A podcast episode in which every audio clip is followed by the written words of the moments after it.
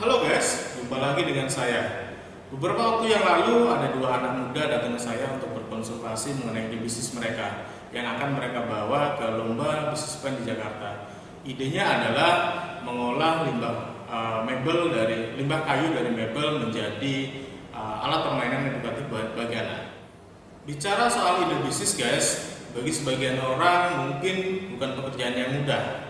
Beberapa di antara mereka yang datang ke saya selalu bertanya, Mas, bisnis apa ya kira-kira mudah dijalankan? Mas, bisnis apa ya kira-kira uh, menguntungkan?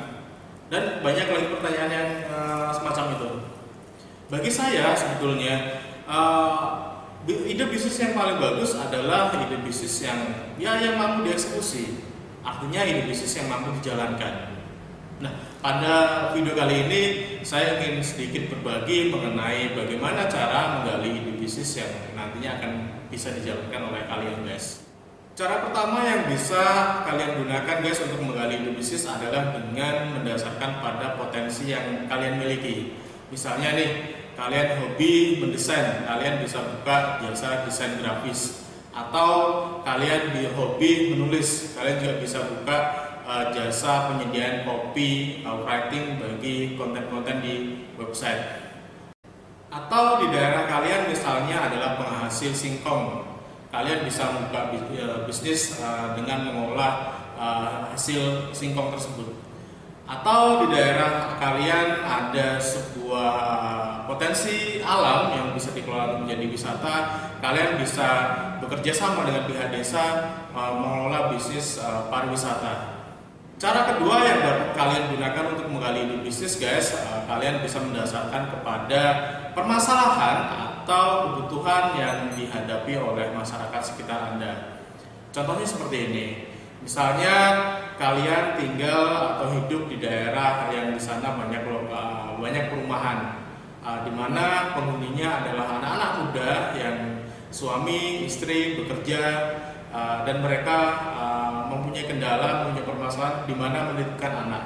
Nah, kalian bisa buka jasa penitipan anak di sana.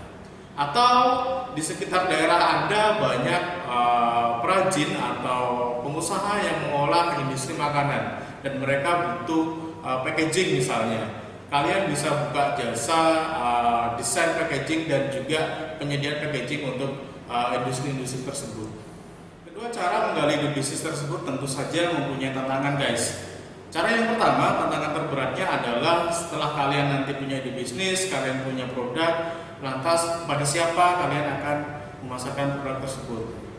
Sedangkan cara kedua mempunyai tantangan tersendiri, yaitu uh, saat Anda punya ide, uh, ketemu dengan ide bisnisnya, maka tantangannya adalah bagaimana Anda menemukan sumber daya untuk uh, menjalankan bisnis tersebut. Jika harus memilih di antara dua cara tersebut guys, saya lebih suka mengkombinasikan antara cara pertama dengan cara kedua. Maksud seperti ini, uh, saat kalian punya potensi, saat kalian melihat potensi di daerah, di daerah kalian, dan di sisi lain uh, kalian melihat peluang pasar, maka kemungkinan besarnya adalah kalian lebih mudah menjalankan bisnis tersebut.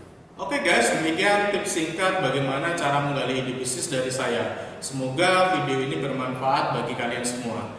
Uh, jangan lupa untuk uh, like dan komen pada video ini dan jangan lupa pula untuk subscribe channel saya. Saya Om Safi, branding spesialis.